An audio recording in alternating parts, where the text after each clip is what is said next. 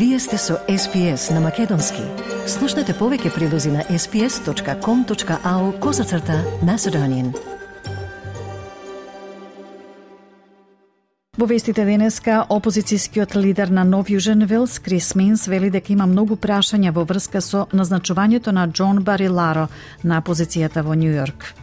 Во Македонија одбележена 21 година од убиството на резервистите на македонската армија кај Карпалак – почина Оливија Ньютон Џон, звездата на Брилијантин, по три децениска битка со ракот на дојка. И Австралија на врвот на листата на медали во игрите на Комонвелтот. На известна македонски следуваат вестите за 9 август. Јас сум Радица Бојковска Димитровска. Останете со нас. Опозицијскиот лидер на Нов Јужен Велс, Крис Минс, вели дека има многу прашања што треба да се постават во врска со назначувањето на Џон Бариларо на високоплатената трговска позиција со седиште во Њујорк. Додека даваше докази за време на парламентарната истрага за неговото назначување на функцијата, поранешниот вице-премиер рече дека жали што се пријавил, но силно негираше дека сторил нешто лошо. Говорите за ABC, господин Минс вели дека треба да се има предвид тоа се позиции финансирани од даночните обврзници и дека е потребно да има независен процес на назначување, што треба да го обезбеди владата. Ако не се поставуваа прашања од министри на високи позиции, Бари Ларо сега ќе беше во Њујорк на позицијата, рече господин Минс. It needs to be very clear to everybody that at the end of the day, these are taxpayer funded positions. If there's supposed to be an independent public service appointment process, that needs to be respected.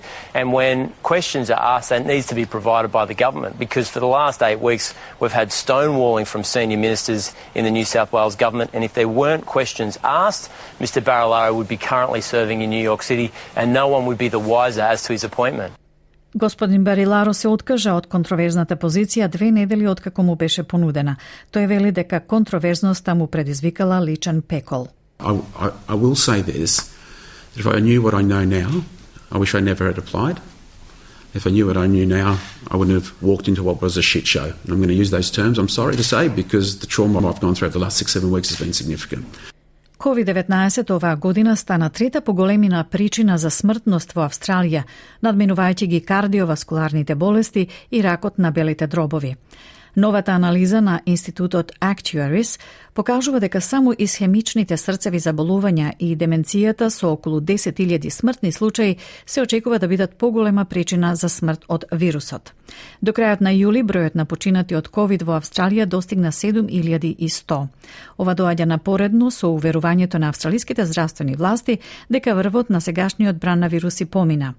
Главниот здравствен службеник во Квинсленд, доктор Џон Джерард, вели дека бројот на приеми во болниците и бројот на погодени здравствени работници се намалува. Но тој вели дека дури и кога ќе помине овој бран, ќе има уште еден. Вирусот нема да исчезне и австралиците треба да бидат подготвени за тоа.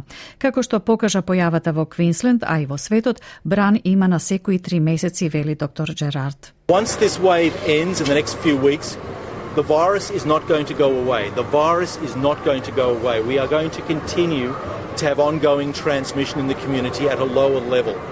Now, the current pattern that we have seen uh, in Queensland and worldwide is of a wave every three months. Намалениот број на приеми во болница и случаи во Квинсленд, доктор Джерард ги припишува на тоа што жителите во државата ги почитувале официјалните здравствени совети целосно да се вакцинираат и да носат маски во затворени простории. Здравствените власти го отфрлаат во споставениот мит дека мозочните удари погодуваат само постари лица. Со одбележувањето на Националната недела за подигнување на свеста за мозочен удар, Фондацијата за мозочен удар објави дека податоци кои покажуваат дека мозочен удар се случува во Австралија на секои 19 минути и дека може да погоди дури и бебиња. Луси Марфи, извршна директорка во фондацијата, ги охрабрува австралиците да ја споделат пораката на фондацијата за идентификување на симптомите на мозочен удар, како што се свиснато лице, неможност да се подигне едната рака или нејасен говор. Во тој случај, вели господица Марфи, ве молиме запомнете, однесете го лицето брзо во болница. So F stands for face. So if you see somebody's got a drooping face, that's a that's a sign they might be having a stroke. A is for arms. So ask people to lift their arms up. If they can only lift one up, they might be having a stroke. S is for speech. So if um, their speech is slurred or they're having trouble getting their words out, that might be another sign. And T is for time. Stroke is a medical emergency. Call triple zero, get to hospital. Fast, S A S T. We're asking people to remember that. Мозочниот удар е една од водечките причини за смрт и инвалидност во земјава. Речи си 770.000 австралици живеат со последици од ударот. Пред 21 година на 8 август од заседа во местноста Карпалак на автопатот Скопје Тетово беа нападнати и убиени 10 припадници на македонската армија кои за својата татковина Македонија го дадоа највредното своите животи. Борбите за извлекување на преживеаните 108 лица траја со часови. Со положување на цвеќе и панихида на местото на злосторството, пред спомен плочата и годинава беше одбележан датумот на положувањето на животите за татковината. Владина делегација положи свежо, свежо цвеќе на спомен плочата во местноста Карпалак во спомен на загинатите бранители. Генералниот секретар на кабинетот на председателот Миле Бошњаковски положи цвеќе пред спомен плоча, плочата кај местноста Карпалак, додека делегација во состав полковник Билјана Блажеска, адјутант на председателот председателот и Валентин Диневски, посебен советник за безбедност и одбрана, положија цвеќе пред комплексот Карпалак во Прилеп. Тука сме денес да одадеме почит на хероите кои што ја бранија, бранејќи ја Македонија, независноста, целовитоста, унитарноста на Македонија во 2001 година, ги дадоа своите животи на Карпалак, изјави за медиумите во Прилеп под председателот на ВМРО ДПМН Александар Николовски.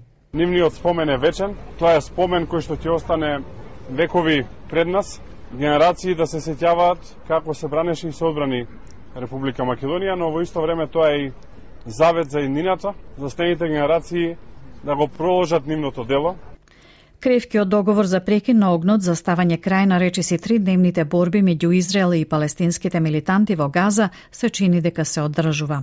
Тоа беше најлошата борба меѓу Израел и милитантните групи во Газа, откако двете страни водеа 11-дневна војна минатата година, продлабочувајќи ја бедата и уништувањето што ја измачува, измачуваат блокираната Газа со години. Фавзија Шамалах, жителка на Газа и незиното семејство се вратиле во нивната бомбардирана куќа во Газа за да бараат нешто останато во урнатините на нивниот дом. Таа вели дека уништувањето станало начин на живот за незиното семејство. Three years ago and more, three wars and we suffer every time they bombed the house from different sides. Once from the east and once from the west and from the north, and every time they asked us to evacuate, and every time we suffered from great fear. This time was the most, when they warned us, they warned people after us in two streets, and they called us and asked us to leave. Гилдан Ердан, амбасадор на Израел во Обединетите нации, вели дека голем дел од уништувањето е предизвикано од погрешно испукани ракети на Хамас и додава дека палестинскиот исламски джихад намерно истрелал 1100 ракети врз израелски цивили, од кои речиси 200 паднале во појасот Газа, убивајќи невини палестинци меѓу кои и деца. The Palestinian Islamic Jihad deliberately fired 1,100 rockets at Israeli civilians, with roughly 200, 200 landing inside the Gaza Strip, killing innocent Palestinians and among them, sadly, young children. This is not an assessment. This is the hard truth, and Israel has the proof. Познатата австралиска икона Оливија Ньютон Джон, која се прослави со, во светот со улогата во мюзиклот Брилијантин, почина на 73 годишна возраст по долга битка со ракот на дојка, обкружена со семејството и пријателите во незиниот дом во Јужна Калифорнија. Незиниот сопруг Џон Истерлинг ја потврди веста преку сообштение на социјалните мрежи, барајќи во овој момент да се почитува приватноста на семејството. Тој исто така напиша дека Оливија беше символ на триумфи и надежи во изминатите 30 години, споделувајќи го своето искуство со ракот на дојка. Пеачката е звезда на филмот Гриз или Брилијантин од 1978 година водеше три децениска битка со ракот. Улогата на Сенди, што и го воспостави митскиот статус и донесе номинации за повеќе награди, вклучувајќи два златни глобуси. Оливи Ньютон Џон освои и четири Греми награди и продаде над 100 милиони албуми. Незиниот активизам за истражување на ракот и подобри третмани останува исто толку значајно наследство колку и незината музичка кариера. И во спортот Австралија ги заврши игрите на Комонвелтот на врвот на листата на медали со вкупно 178 медали. Последниот златен медал на игрите им припадна на Кокабарас, кои победија во хокеј за мажи, победувајќи Индија со 7 спрема 0. Тоа е седмо поред злато за австралискиот машки тим освоено на игрите на Комонвелтот.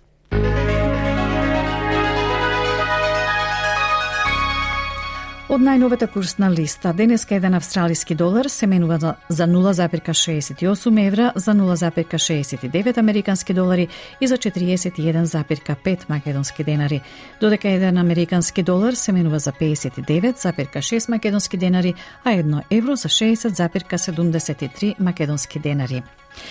Накусо и временската прогноза за главните градови за утре, среда 10 август. Перт облачно, максималната ќе се искачи до 17 степен. Дожд за Аделаид, максимална 15, Мелбун на облачување 15, делумно облачно за Хобарт, максимална 14, Камбера утринска слана, а потоа делумно облачно во текот на денот со максимална до 14 степени, Сиднеј слаби краткотарини и врнежи 17, Бризбен делумно облачно 21, Дарвин сончево 32 и Али Спрингс облачно со максимална до 26 степени.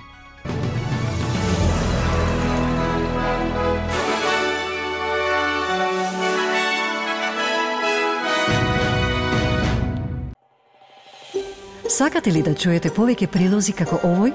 Слушате подкаст преку Apple Podcasts, Google Podcasts, Spotify или од каде и да ги добивате вашите подкасти.